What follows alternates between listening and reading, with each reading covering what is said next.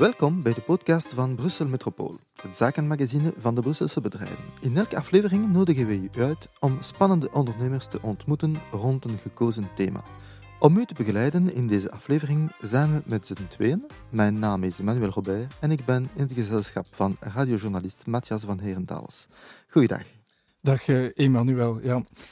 Wij ontvangen, wij ontvangen vandaag David Leijsens, directeur van het Belgische duurzaamheidsnetwerk De Shift, dat 350 bedrijven, niet-gouvernementale organisaties, academici en overheden groepeert rond duurzaamheid. David Leijsens is ook gasthoofdredacteur van de komende Green-editie van ons magazine Brussel Metropool, dat in juni verschijnt. Hartelijk welkom. Dank u. Ik laat nu het woord aan Matthias om het onderwerp in te leiden. Ja. Ja, 2019 zal de geschiedenisboeken ingaan als het jaar waarin de klimaaturgentie duidelijk tastbaar werd. In uh, december marcheerden meer dan 65.000 mensen in Brussel voor het klimaat. De betogingen Youth for Climate mobiliseerden duizenden studenten en leerlingen. Op uh, politiek niveau is het klimaat nu ook een prioriteit. De Shift aan zijn kant schaart zich samen met bedrijfsleiders en middenveldorganisaties achter één grote nationale klimaatactie van wakkere burgers, namelijk Sign for My Future. Concreet vragen de ondertekenaars dat de toekomstige regeringen de doelstelling voor een CO2-neutraal België wettelijk en decretaal verankeren, dat er tegen 2022 een ambitieus investeringsplan wordt uitgerold en dat een onafhankelijke klimaatraad de vorderingen opvolgt. En daarmee geven ze de volgende regeringen ook het mandaat om er alles aan te doen om de klimaatopwarming ruim onder de 2 graden te houden en België CO2-neutraal te maken tegen 2050. Ja, en bij ons in de studio zit dus uh, David uh, Leijsens. Um, ja, we hebben nu um, Sign for My Future gehad eigenlijk. Ja, wat is nu eigenlijk de volgende stap? De belangrijkste volgende stap is denk ik dat um, de campagne Sign for My Future bedrijven ook helpt in de moedige keuzes die zij maken om het klimaatverhaal uh, in de realiteit te brengen. Ik geloof dat klimaatverandering niet enkel een negatief verhaal is, dat het ook een uh, economische opportuniteit is, een gigantische economische kans biedt voor onze Brusselse bedrijven ook om uh, leiderschap te tonen en om hun bedrijfsvoering uh, future-proof te maken. En wat er voor de campagne zijn for My Future belangrijk is, is dat um, dat wettelijke kader, dat investeringsplan um, en ook dat signaal waarbij we aan politiek vragen om ook voldoende te luisteren naar onafhankelijke expertise, dat um, dit bedrijven daarin helpt. Ja, inderdaad. Um, nu uh, verwacht u eigenlijk hier in Brussel een impact van die klimaatverandering eigenlijk? Zou er een impact zijn?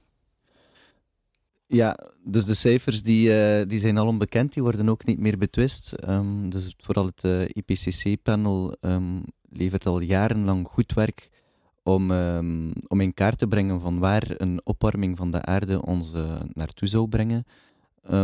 en het is, het is een vaststaand feit dat uh, de stad en de dynamiek van de stad ook een deel van de oplossing daarin is. Um, je ziet dat er nu al op wereldwijd niveau, als ik me niet vergis, meer dan de helft van de wereldbevolking in steden woont. En dat er ook door heel veel klimaatexperten wordt gezegd van het niveau van de stad is eigenlijk de kans waar we het klimaatverhaal ook kunnen oplossen. Mensen in steden, steden wonen dichter bij hun werk, hoeven zich minder te verplaatsen, minder uit te stoten, wonen vaak ook eh, compacter op elkaar, waardoor je aan de natuur wat meer eh, kansen kan laten. Um, maar anderzijds zetten steden ook wel behoorlijk wat druk op het, uh, op het klimaat, gewoon omwille van uh, de gigantische aantallen mensen die er wonen. Ja, inderdaad. En, en wat kunnen eigenlijk de gevolgen in Brussel zijn eigenlijk? Um, wat kunnen de gevolgen voor de Brusselse bedrijven zijn van die klimaatverandering? Maar ik denk het meest tastbaar in een stad is uh, de opwarming, uh, omdat een stad natuurlijk um, vaak uit heel veel beton uh, bestaat. Um, dus het is warmer in een stad en in het platteland. je ziet dat we ook een heel actuele discussie hebben in Brussel rond luchtvervuiling. ehm, de, de, de, uitlaatgassen van, van wagens die raken ook iets met, minder makkelijk weg in een stad dan, dan ze in het platteland kunnen. En je ziet nu al aan de cijfers van gezondheid en dergelijke meer ehm, dat, dat het wel echt een reëel gezondheidsprobleem ook wordt en niet enkel een klimaatprobleem is. Ja, inderdaad. Want uh, natuurlijke risico's, of met andere woorden, risico's die in verband staan met klimaatverandering, ja, vormen inderdaad een van de grootste bedreigingen voor steden. Dat blijkt uit de City Risk Index, samengesteld door de verzekeringsmaatschappij Lloyds. En voor Brussel wordt dit risico op 280 miljoen dollar geschat. Ja, dat moet dan toch wel, toch wel een enorme impact op die Brusselse bedrijven hebben eigenlijk. Hè? Ja. Ja, wat wij bij de SHIS proberen doen is om um, bedrijven ook zo goed mogelijk uh, te begeleiden in het uh, in kaart brengen van het klimaatrisico voor hun bedrijfsvoering. Uh, maar we willen daar ook altijd graag de opportuniteiten aan koppelen. Het klimaatverhaal mag niet alleen een verhaal zijn van angst en van risico's. Het is een verhaal van opportuniteiten.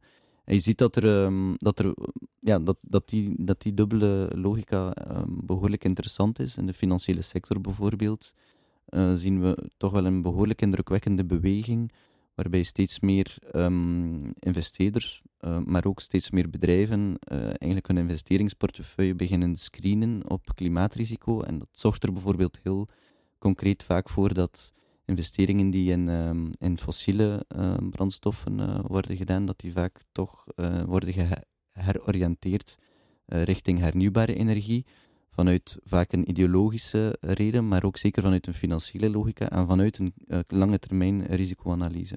Ja, uh, dus David, men spreekt van, van risico's en van opportuniteiten. Hè? Wat zou de eerste stap dat een bedrijf zou vandaag moeten nemen om die risico's en opportuniteiten te schatten? Gaat het om zijn investeringen te, te, screenen? Gaat het om, ik weet niet, zijn, zijn gebouw aan te passen? Um, de, de allerbelangrijkste eerste stap is, um, denk ik, wat, uh, wat meten waar, waaruit je risico bestaat. En je ziet dat er, dat er nu heel veel goede meetinstrumenten komen ook uh, op de markt, die bedrijven kunnen helpen om bijvoorbeeld hun CO2 te gaan meten, om echt te gaan bepalen hoeveel CO2 stoot ik als bedrijf uit in mijn bedrijfsvoering. Je ziet dat er ook een hele interessante dynamiek is waarin bedrijven ook um, hun interne CO2-prijs gaan bepalen. En dus dat niet enkel uh, vanuit een waardeoordeel gaan, uh, gaan lezen, maar daar echt ook um, cijfermatig uh, wat rekenkunde op gaan loslaten. Om ook te kijken in hoeverre klimaatrisico's een, een financiële consequentie kunnen hebben. En een, een systeem van interne CO2-prijs is een, is een systeem wat we bij steeds meer bedrijven zien ingang vinden. En op vlak van opportuniteiten? Um, op vlak van opportuniteiten zitten we heel vaak naar, uh, naar innovatie te kijken. We zien bijvoorbeeld in de mobiliteitssector in Brussel heel wat gebeuren. Um, uh, ook rond gebouwen. Um, ja, da daar gaat het er eigenlijk over van hoe kan je ervoor zorgen dat een bedrijf uh, ook uh, kan profiteren van, de, van klimaatevoluties in haar, uh, in haar R&D en in haar innovatieve keuzes. In mobiliteit zie je bijvoorbeeld heel nadrukkelijk dat steeds meer mensen ervan uitgaan dat het model van de individuele wagen als het bezit van een, van een burger, dat dat over vijf à tien jaar zal gedaan zijn. Dat mobiliteit als een dienst um, het nieuwe economische model zal bepalen. Eigenlijk is de mobiliteitssector het daar al over eens. En het zijn die bedrijven die zich nu voorbereiden um, op, een, op het ontwikkelen van een nieuw verdienmodel, waarbij ze niet meer die individuele auto aan een, aan een consument gaan verkopen, maar eigenlijk die burger gaan ontzorgen met een brede waaier van mobiliteitsdiensten, die ook de eerste in de rij zullen staan om te profiteren van, van, van, van die R&D en van die evoluties. Dat betekent ook dat de ligging van de kantoren een belangrijke vraag wordt. Ja, zeer zeker. En je ziet dat ook in de, in de vastgoedsector, dat um, um, kantoorgebouwen die um, dicht bij mobiliteitshubs liggen, dat die uh, op termijn ook veel, veel waardevoller zullen, uh, zullen zijn dan, uh, dan de kantoorgebouwen die misschien historisch vaak op autolocaties zijn gebouwd. Um, en, en ook daar is het heel interessant vanuit een investering of vanuit een innovatielogica voor bedrijven om, om te kijken van ja, hoe kunnen we eigenlijk uh, eigendommen die, die in de buurt van stationsgebouwen liggen of van knooppunten zoals luchthavens of, en dergelijke meer. Hoe kunnen we die valoriseren? Het is bijvoorbeeld heel opvallend in Brussel om nu te zien dat een aantal van de hele grote consultancybureaus, Deloitte en KPMG, de keuze hebben gemaakt om um, weg te trekken van een klassiek um, gebouwenpark in, in Diegem en hun hoofdkantoor um, op de mobiliteitshub Zaventem hebben geplaatst. Bij AXA heb je het ook gezien. Die zijn weggetrokken uit Watermaal Bosvoorde. Gaven aan dat het bijvoorbeeld steeds moeilijker werd om kwaliteitsvol personeel uit Oost- en West-Vlaanderen aan te trekken, omdat die gewoon met de auto de hele ring moesten afrijden. En door de keuze om hun hoofdkantoor nu in het centrum van de stad te plaatsen, zorgen ze ervoor dat er 800 mensen per dag minder op de ring met de auto rijden. Dus beter in de stad blijven. Dat is een, een opportuniteit voor, voor de stad eigenlijk. Het is een opportuniteit, een opportuniteit voor de stad. Uh, het is een opportuniteit voor stadsontwikkeling. Um, en het is ook vooral een opportuniteit om de verschillende samenlevingsvormen in de stad te voeden. Ik denk dat we ook wel in de Noordwijk bijvoorbeeld historisch hebben gezien dat uh, uni, uh, unilateraal of, of, alleen maar gebruik maken van, um, van wijken met kantoorgebouwen, dat dat ook niet echt het goede model is. Um, maar, maar bon, ik, woon, ik woon bijvoorbeeld zelf in een stad, in, de, in de stad, dicht bij kantoorgebouwen. En ik, ik vind het fantastisch, ook voor mijn veiligheidsgevoel, om te weten dat er leven in mijn wijk is als ik aan het werk ben. En mijn buren die het kantoorgebouw beheren, vinden het ook fijn dat er zelfs wat sociale controle is als de kantoorgebouwen zijn afgesloten. Ja, inderdaad. Um, nu, um, nu die Brusselse bedrijven, ja, ja ze moeten toch wel maatregelen nemen om toch wel duurzamer te worden, denk ik. Hè? Dat verwacht u toch wel, hè? dat ook de Brusselse bedrijven toch ook hun verantwoordelijkheid nemen? Ja, ja, ja en ik, ik vind dat heel veel bedrijven het, um, het ook al goed doen.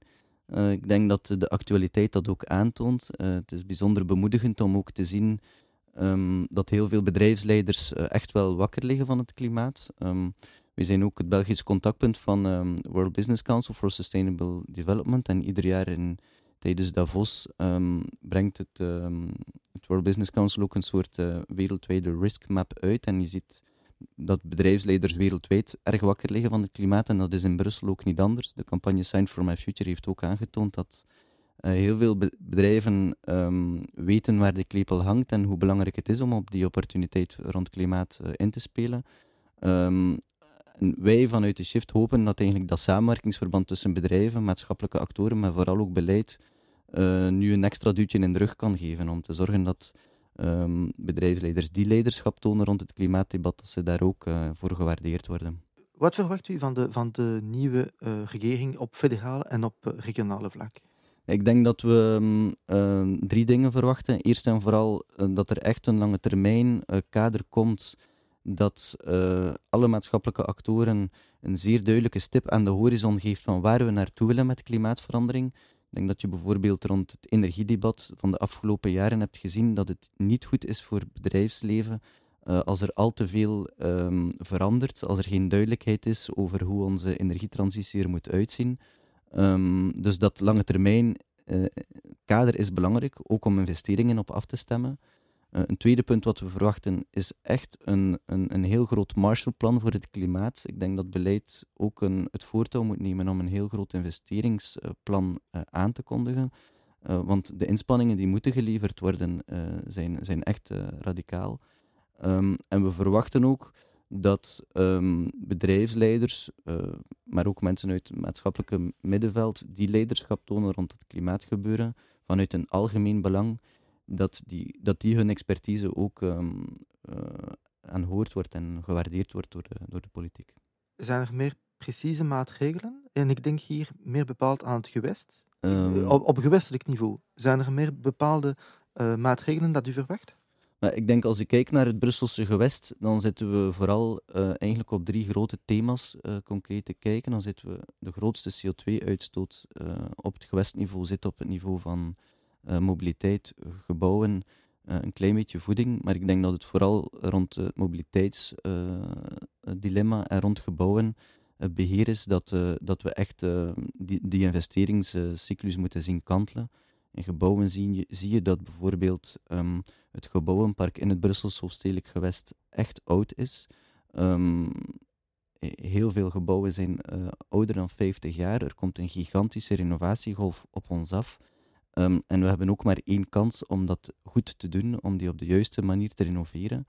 Ehm, en en ja, ik denk dat we daar concreet toch naar een aantal heel uitdagende um, tijden gaan en, en ook verwachten dat een klimaatinvesteringsplan van een gewest daar een, een, aantal goede keuzes in maakt. Dat moet ook gefinancierd worden.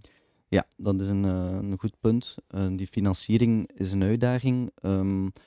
Um, maar ik zie dat er heel veel innovatieve samenwerkingsverbanden ook uh, rond dat financieringsverhaal oplossingen kunnen, uh, kunnen bieden. Ik ben onlangs bijvoorbeeld naar de stad Oostende gaan kijken wat zij met uh, Energie Oostende doen. In, het, in de sfeer van sociale woningen bijvoorbeeld um, wordt daar een systeem van derde, derde partijfinanciering uitgewerkt, waarbij huurders van gebouwen um, de meerprijs voor innovatie niet hoeven betalen, de gewone klassieke eh, energiefactuur blijven verder betalen en de energiewinst die geboekt wordt, eigenlijk wordt gebruikt om een lening intern af te betalen. Dus het hoeft niet noodzakelijk uh, voor huurders of eigenaars meer te kosten. Ik denk dat er heel wat innovatieve samenwerkingsmogelijkheden uh, um, bestaan. En ik vind het ook bemoedigend dat bijvoorbeeld een directeur van een organisatie zoals Fibelfin, Karel van Eetveld, uh, daar ook een, een, hele grote prioriteit van heeft gemaakt voor de financiële sector in Brussel. Ja, u gelooft ook in, sterk in zogenaamde partnerships. Zo bracht de Shift um, al meer dan 370 bedrijven, NGO's en andere organisaties samen om dus zogenaamde partnerships uit te werken en te stimuleren. Um, ja, heeft dat eigenlijk in Brussel ook veel opgeleverd? Zijn er in Brussel veel uh, partnerships eigenlijk uitgewerkt? Ja, één vorm van partnerships die we bijzonder promoten is die van de Green Deals. Green Deals zijn nieuwe samenwerkingsverbanden waarbij eigenlijk uh, bedrijven samen met de overheid en met een aantal maatschappelijke organisaties een korte termijn doelstelling bepalen um, waar ze um, een hele grote impact mee willen bereiken. We hebben bijvoorbeeld in Vlaanderen uh, een Green Deal rond um, gedeelde mobiliteit uh, gelanceerd, waarbij partijen zoals Bfimo, KBC, maar ook uh, de, de, klassieke um, autodeal-aanbieders er zich toe geëngageerd hebben om op twee jaar tijd alles wat met autodelen te maken heeft, te laten groeien met een factor maal vijf. En de overheid zit daar als partner in, niet als subsidieerder of als regelgever, maar kijkt hoe ze bedrijven en eh, organisaties ook kunnen helpen om barrières weg te werken om een korte termijn uh, opschaling van duurzaamheidsinspanningen te realiseren. En in Brussel uh, hopen we om met die Green Deal methodiek ook te landen. We zijn rond stadslogistiek met een aantal, met, een, met een eerste Green Deal idee bezig, omdat we zien dat er rond die camionetisering van onze stad, die laatste kilometer um, belevering van e-commerce diensten, een hele grote klimaatuitdaging ligt, maar ook een hele grote opportuniteit ligt voor um, mobiliteitsaanbieders uh, om te innoveren. En we willen hen dat duwtje in de rug geven om hun innovaties ook te laten opschalen. We zijn ook um, heel benieuwd in Brussel om te kijken wat er rond um, circulair aankopen kan gebeuren. Omdat een overheidsdienst in het Brusselse gewest via haar aankoopbeleid ook wel een hefboom heeft om uh, bedrijven te bevooroordelen uh, als die in een uh, R&D en in een innovatie met vernieuwende oplossingen komen. Ja, ja inderdaad. Dus, dus er zijn toch wel, toch wel heel wat uitdagingen eigenlijk. Hè? Dus ja, inderdaad. Ja. Oké. Ehm, dat is goed. Um, heeft u eigenlijk een, een goede hoop eigenlijk in, in de toekomst? denkt u dat we de, die klimaatsproblemen toch, toch de baas gaan krijgen? Maar wat ik zeer bemoedigend vind, is dat de klimaatagenda ook door jongeren is opgepikt. Um, en die, die jongeren, um, die, die verdienen ook dat het hun agenda is. Um, jongeren nu zijn de eerste generatie van mensen die de gevolgen van klimaatopwarming voelen. en je merkt dat er ook wel een heel grote drijfveer uh, bij hen leeft om die klimaatproblematiek uh, aan te pakken. Wat ik bemoedigend vind aan uh, het verhaal rond jongeren is dat, uh, dat ondernemerschap er ook wel in zit. Um, ik merk dat jongeren ook wel bereid zijn om de handen zelf uit de mouwen te steken, om veel pragmatischer dan misschien vroeger het geval was, uh, ook te kijken hoe naar oplossingen kan worden gekeken en hoe oplossingen die huidige leiders of bedrijfsleiders aanbieden, hoe die ook gevaloriseerd kunnen worden. Ja, misschien raadt u dan de huidige CEO's ook eens wat meer aan om, om naar de jeugd te luisteren, naar de jongeren eigenlijk, om naar hun ideeën wat te luisteren? Ja, uh, ja. dus wij hebben met de Shift uh, een jongerennetwerk opgericht, dat heet Generation T. Die T staat voor transitie.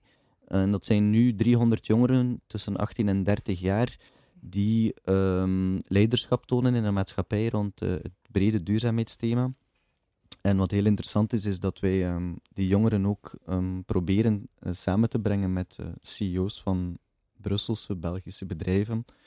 Uh, en zien dat er voor beide partijen een meerwaarde zit als um, de huidige bedrijfsleiders soms ook eens een aantal radicale of wat meer vernieuwende ideeën van de toekomstige generaties kunnen oppikken. en omgekeerd als jongeren met radicale ideeën die vaak in een start-up fase zitten, als die ook um, met, met impactvollere, uh, gevestigdere bedrijven uh, gemakkelijker een link vinden. Oké, okay. wij komen aan het eind van uh, deze, dit interview. Bedankt David Leijsens. Graag gedaan, bedankt voor de fijne babbel. Bedankt Matthias. Ja, bedankt, het was heel leuk. En bedankt aan onze technicus Domenico. Bedankt dat, aan jullie die, die naar ons hebben geluisterd. Ik herinner dat David Leijsens is gasthoofdredacteur van het juni-nummer van onze maandblad Brussel Metropool, binnenkort te lezen op onze website met een special Green dossier. Wij spreken het af op de volgende uitzending van Brussel Metropool podcast. Tot binnenkort.